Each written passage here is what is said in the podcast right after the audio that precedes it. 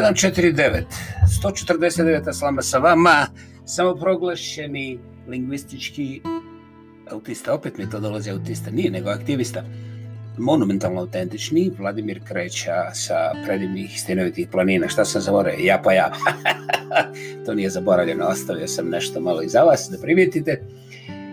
Danas smo u jednom prostoru koji se zove R&R, ali nije Rolls Royce, nego je reakcije i refleksije na naš 148. podcast Kemo. Ja sam imao problema eh, uh, na obe strane i njihovim i našima da objasnim da nije uh, Kemal, što je sasvim u redu, i da nije um, to napisano ni zbog drugog, nego doista većina ljudi Kemo čita kao Kemo, to je ona, ono, ono zlo sa, sa rakovima i onda sam ja nastoje to da izbjegnem. Dakle, ja sam ovdje nastojim pojasniti stvari kako bi bez toga opterećenja mogli ići dalje. Ispod reakcije i refleksije broj 1 je nekoliko predivnih e-maila i poruka na drugi način koje sam primio ljudi su oduševljeni sa Kemom do te mjere, niko se nije usudio da mi postavi izravno pitanje, ali ja ću ovdje direktno odgovoriti. Kemo je potpuno stvarna osoba. Stvarnija od mog životnog sna od 60 i kusur godina da mogu svjedočiti da jedan takav čovjek postoji, pa bez obzira da li ga ja personalno poznavao ili ne, to je iza svih riječi i jednostavno ne može u riječi, to je nešto puno veće, to je život, to je to je onaj red veličina zbog kojih čovjek zapravo zahvaljuje Bogu što je ikada rođen. I ja ovdje svakako ne pretjerujem, nego eto u tom nekom blagom informativnom inuendu, e, govorim svima vama koji ste poslali poruke, neću stići da odgovorim, neću odgovarati, ne piše mi se, ne tipka mi se, čak mi se danas nije brbljalo, vidite da kasnim sa podcastom, vjerovatno za 2, 3, možda 4 sata, ali Kemo, e, Bogu hvala, postoji u svim dimenzijama a, iskonskog čovjeka, ljudine, stručnjaka, iskusnog stručnjaka, obrazovanog stručnjaka i ono što je za mene, barem u, u mojim očima najvažnije, kao oca u jednoj uh, izuzetno stabilnoj, autentičnoj familiji koja zapravo čini suštinu onoga što bi svaka nacija željela u svome uh, začetku, znači stabilnu, balansiranu familiju u kojoj svi sve vole i poštuju i jednostavno polako, bez senzacija, napreduju kroz taj život. To je upravo ono što je jače od svih bombi, a pogotovo od eh, svih ostalih verbalnih gluposti, napucavanja i najviše novca. Jednostavno, ne postoji novac koji možete otići u bilo kakav dućan u cijelom univerzumu i kupiti stabilnu familiju, pa onda to sve skupa u kontinuitetu, recimo 25, 30, 35 godina, a i dalje će sasvim sigurno, ja sam ubijeđen biti tako. I zbog toga sam ja pocrtao u 148. podcastu riječi impresivno i inspirativno, jer koliko god uspijem da vidim, ja sam doista oduševljen, znači impresioniran, ali a, bez ikakve najave i računanja istovremeno dobijam impuls nečega vrlo lijepog u svome vlastitom životu i to je to što je inspirit, inspiracija.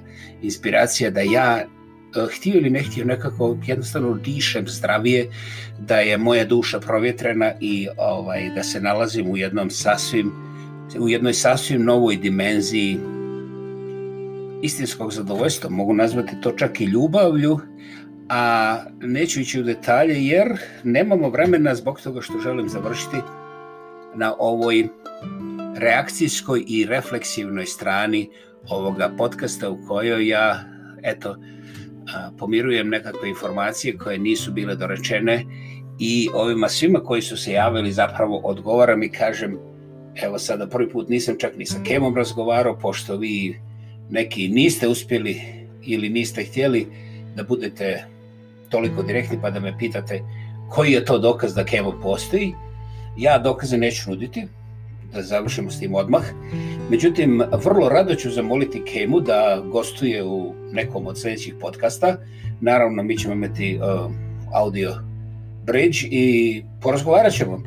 Ja pritome neću ovaj, uh, pitati Kemu za detalje, jer uh, prije svega on i takako ima pravo na svoju privatnost, ali ove generalne stvari o kojima smo govorili, koje su potrajale preko tri decenije, to ćemo svakako dodirnuti i malo čisto pročvrljati. Dakle, ne spremamo, odnosno ja u, ovoj, u ovom začetku nemam ideju o, no, nemam nikakvu namjeru kreirati bilo kakvi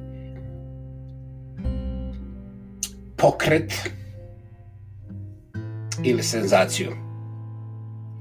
Ono što je za mene puno više od toga je što mogu da razgovaram sa čovjekom koji je uh, u apsolutnom oceanu besmisla moga života u zadnjih 60 godina imao konstantu ljudskoga.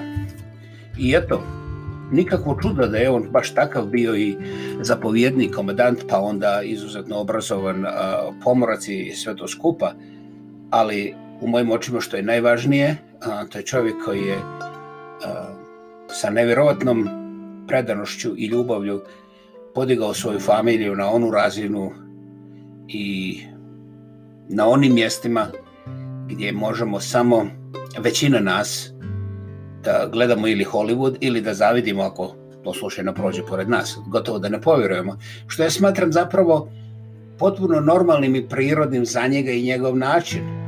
I zbog toga sam ovako glasan, zbog toga radost u mome glasu, jer je radost u mojoj duši, jer takvi ljudi postoje bez velikih nacionalnih onih ordenja za demokracije, za slobode, dok se onako laktom borimo da dignemo sljedeći kredit i da ga mrz, ovaj, uh, smrznemo i transferiramo i transferiramo u razno razne banke i commodities i ne znam već kakve druge perverzije.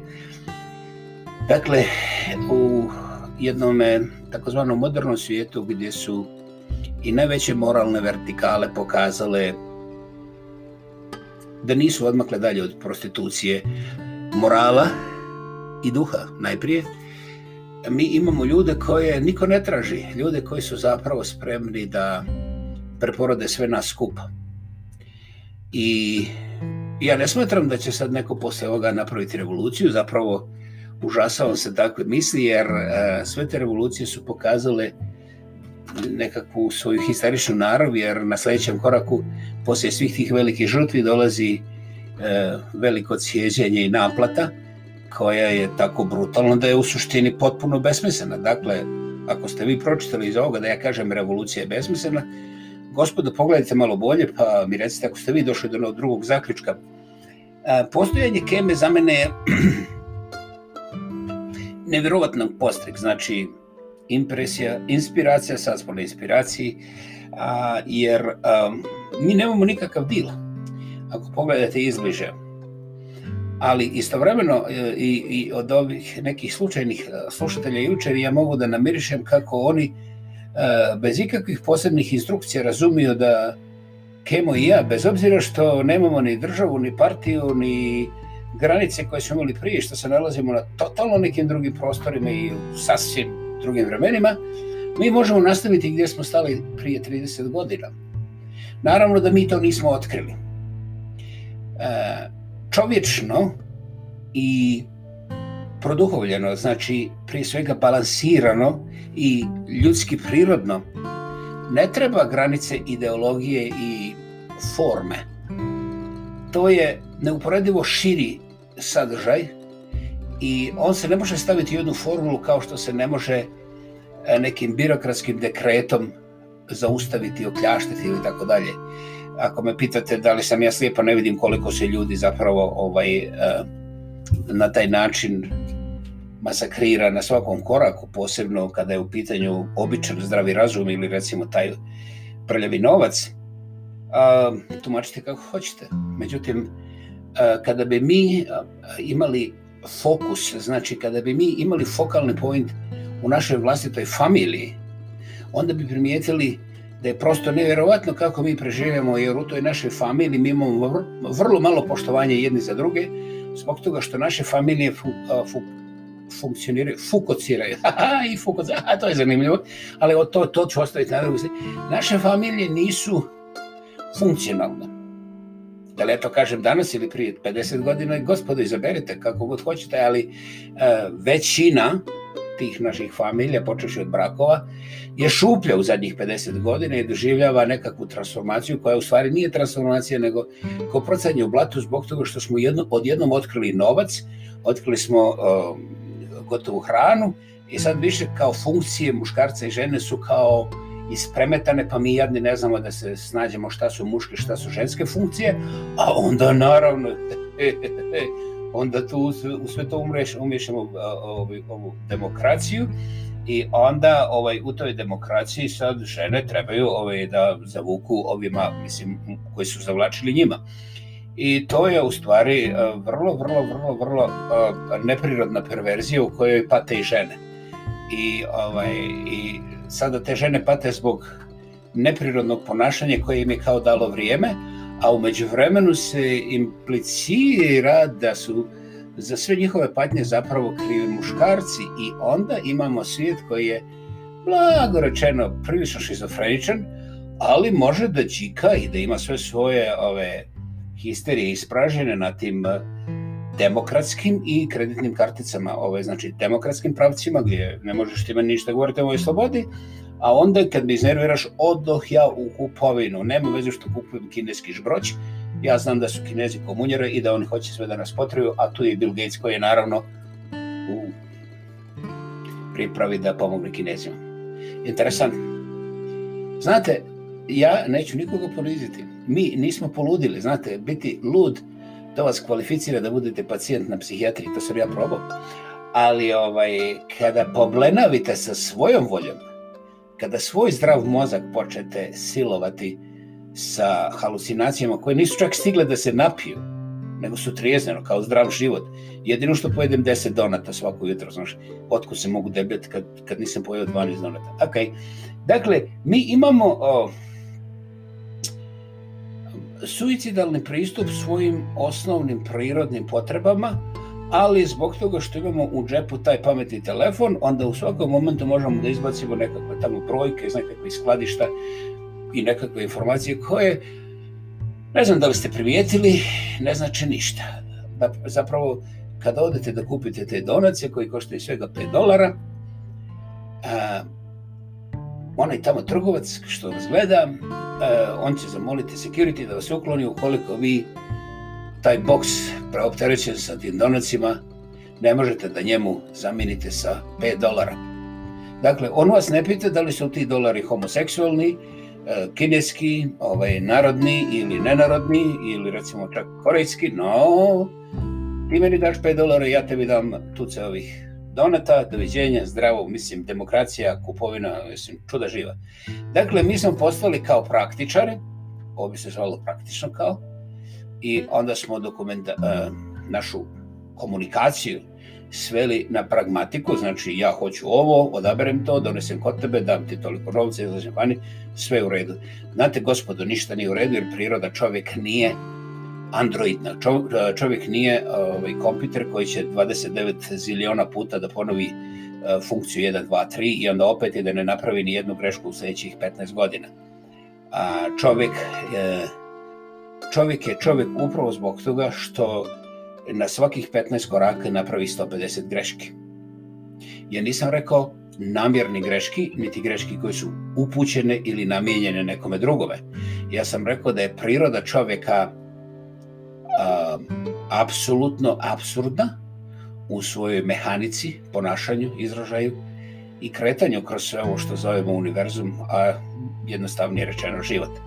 I u tome svijetu se pojavi meni kemo nakon 30 godina i meni ne treba ni jedno objašnjenje, mada ako skratimo priču, ja mogu da šutim i da budem do kraja života potpuno nijem.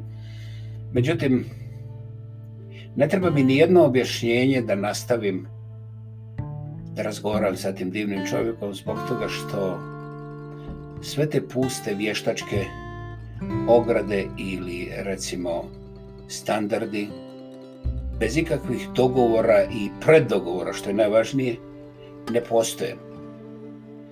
Ja sam vrlo glasan o svemu tome, vjerujući da vama kojih ovdje ima dosta, ima preko tisuću, a negdje kažu tamo na ovima da ima i preko hiljadu, a, ovaj, koji prate ovaj podcast i uh, vrlo, je, vrlo je teško vjerovati da od svakog oružja, od svakog novca je puno snažnije i draže sresti čovjeka, duh, istinskog čovjeka. I to sigurno nije Bruce Willis, pa ono, znaš, ono da donosiš u svoje selo ili šta ja znam, vi koji živite u predgrađu, u svoje predgrađe. Ja nisam u centru grada bio nikada, ja sam samo dozgo sabrata da gledam kako to izgleda ovaj, I sad oni se kao Bruce Willis napisao, joj, pazi ovo, evo čokoladu za vladu, znaš, i onda kad pokažeš taj potpis, ti se onda neka finta za sljedeće 15 minuta. I ovaj, već sutra moraš da tražiš Ben Quicka da ti potpiše da bi bio popularan. Znači, ja sam donio potpis nekog tamo jadnika sa hollywoodskih platna i tu sam onda bio važan 5 minuta i šta sad? Međutim, kada imamo ljude koji mogu mijenjati um, epohu, mi ih onda zaobilazimo, jer ti ljudi ne žive u nastojanju da sjede na vratu nekom i da pokažu kako mogu kontrolirati zilion drugih ljudi. Ti ljudi u stvari grade život nazad na sam početak, osnovno ćelija je familija, znači brak, onda dolaze djeca.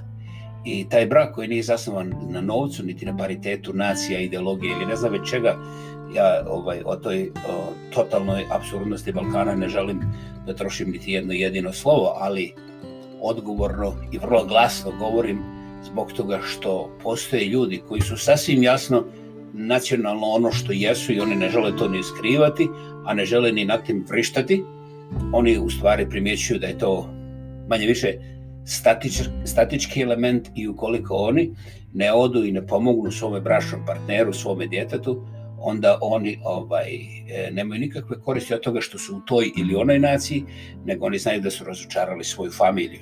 I to je u stvari taj temelj koji je promašen najprije od naših intelektualaca, vizionara, svih religijskih zajednica, balkanskih, jer E, familija je ostalo totalno nezaštićene. Ja ne ulazim u, u ovaj mehanizam socijalne, e, ideološke i političke e, forme i načina kako se to danas prati i štiti. To me ne zanima. To su tehničke stvari koje rade profesionalci. Međutim, kada pogledate sa strane koliko se ljudi unutar familije cijene, vole, koliko su spremni jedni za druge da čak i žrtvuju određene stvari da poslije toga neko odaču šta su morali žrtvati i kako su to uradili i onda da ih šira familija e, podrži u tome, znači bez ikakvih nacionalnih, političkih, ideoloških okvira, onda primjećujete ovaj, uh, uh, džungle primitivizma, nasilja i ovaj nastranosti. Ja namjerno ne spominjem alkoholizam, drogu i monumentalno razornu kocku na svakom koraku. Ovo nije bolje da bih ja tu bio nekakav konj. Ali ako pogledate u to, onda ćete vidjeti da promašenost naših političkih struktura je zapravo kriminalna i nikad niko neće za to odgovarati. Oni će sutra ugurati i vašu i moju djecu da brane te nekakve granice koje su kao navodno moje i tako dalje i tako dalje. Ljudi koji govore o pravdi i poštenju su za ostale seljačine koje nisu sišle, sišle dalje od predgrađa. Odnosno, ako su sišli, onda govore sa tih zaštićenih govornica i što više govoru o pravdi poštenju, to više mažnjavaju. I nimalo ih nije sram. Um, ono što nismo naučili je davno naučeno, a to je da prežderani uglavnom imaju kraći život, da teže spavaju, da više prde, dakle smrde. I mi danas, vjerujući u demokraciju smo svakim korakom teži, deblji, a, imamo više para, ali nismo bogatiji. Dakle, šta rade prave demokrate danas? Oni govore o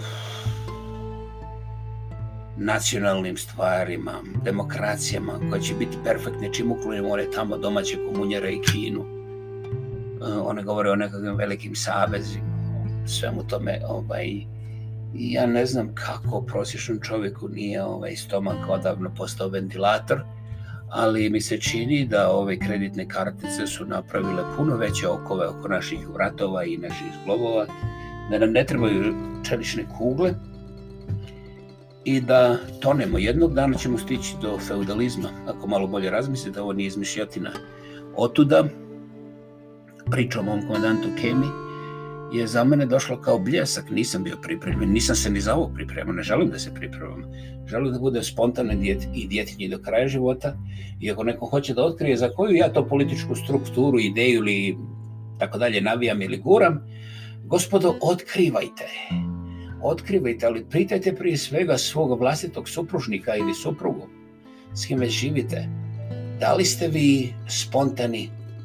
Ikada! U svom regularnom danu? Da li imate radosti unutar obitelji? I druga stvar, molim vas, nemojte pitati svoga partnera za e, kvalitetu svoga seksa.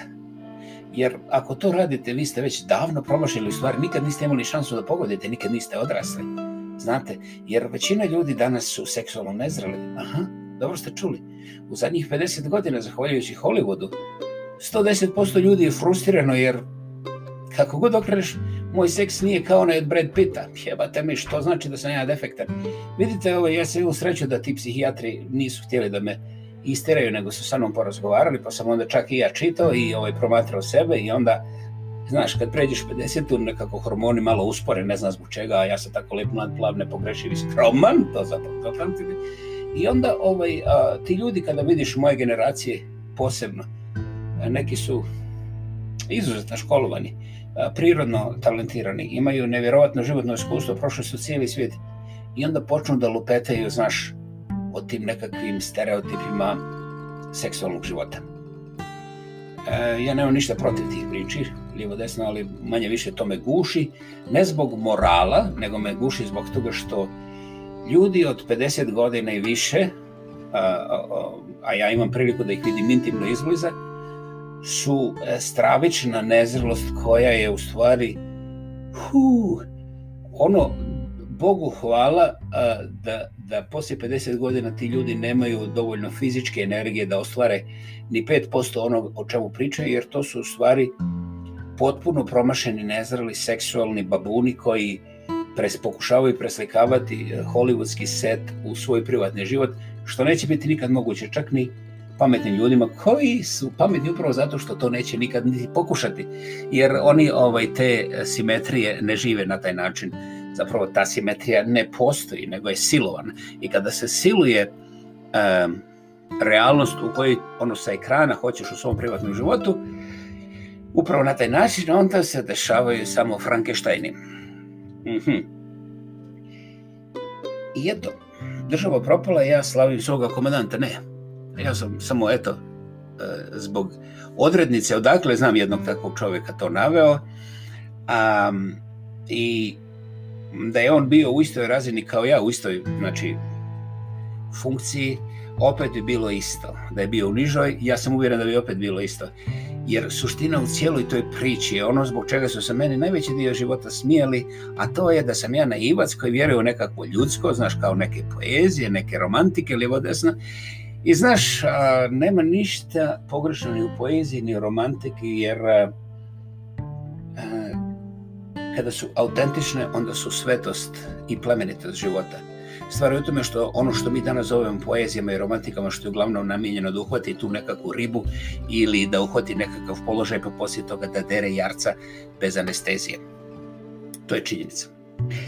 Dakle, kada već govorimo o komandantima, ja bih onda vratio se ponovo na mene, mlada, lijepa, plava, a, nepogrešiva, vitka, dobro, čim izgubim 100 kila, bit ću i vitak, ne, to je prvo jednostavno mali, mali problem. A, ovaj, I naravno skroman, skroman ono do bole. Ja sam imao jednog drugog komandanta koga Kemo vrlo dobro pozna, a taj komandant je ovaj taj komandant je polizao patos, to jest pod. Njega sam nokautirao. Uh, ja ću samo spomenuti ime, on se zvao Branko. i Branko D. Tako da se sad razumijemo. Ja nisam planirao njega da nokautiram, ali on je nokautiran, a ja sam preživio zbog toga što su ljudi oko mene, znači, a, ove druge starešine, a, koji su bili prisutni, oni su skočili na mene kao da zaštite komandanta, a u stvari su me zaštitili da me vojska ne umlati i ne iscipelari, jer dok je komandant bio na patosu, oni su imali otvorene čizme da me ovaj, samelju. Međutim, ovih nekoliko starešina oko mene su odmah skočili na mene, znaš, sa grubim riječom, međutim, oni su me zaštitili svojim tijelima i spriječili da ne dođe do linča. Eto, tako sam to preživio, ne zbog toga što sam bio pametan i ovaj, napredan i jak i demokrata i ovaj nacionalni, nego jednostavno uh, mene su ti ljudi voljeli i moje, moje bubrege i ovaj moj jezik danas, što se zahvaljuje Kemi, ja dugujem tim ljudima koji su potpuno spontano, bez ikakvog plana, jer ja nisam planirao da toga komandanta oborim, ali znaš, kad je uperio prst u moj nos, eto, sad je razlika, vidiš, između toga Branka i Keme, vrlo vidljiva, kada je uperio prst u moj nos i počeo da viče u tom jutarnjem zboru pred 150 ljudi, ja ne znam kako je moja ruka izletila, mislim da Holyfield i ovi Cassius Clayovi to ne znaju, ovaj, ali jednostavno izletio, ja sam, jedino sam zapamtio i danas kako je on nosom pokupio taj patos ispod. I nije mi žao, nije mi žao onda, nije mi žao danas, iako sam uh, potpuno svjestan i tek kasnije me uhvatio pravi strah šta se moglo desiti da je 150 mornara skočilo na moje, na moje bubrege. Ovaj, I bilo bi dobro da sam mrtav, to bi bilo, bio, bio, bi, bio bi poklon, ja sam apsolutno uvjeren. Međutim, nije trebalo da krepavam jer sam imao divne ljude koji su me voljeli i, i njima sam zahvalan.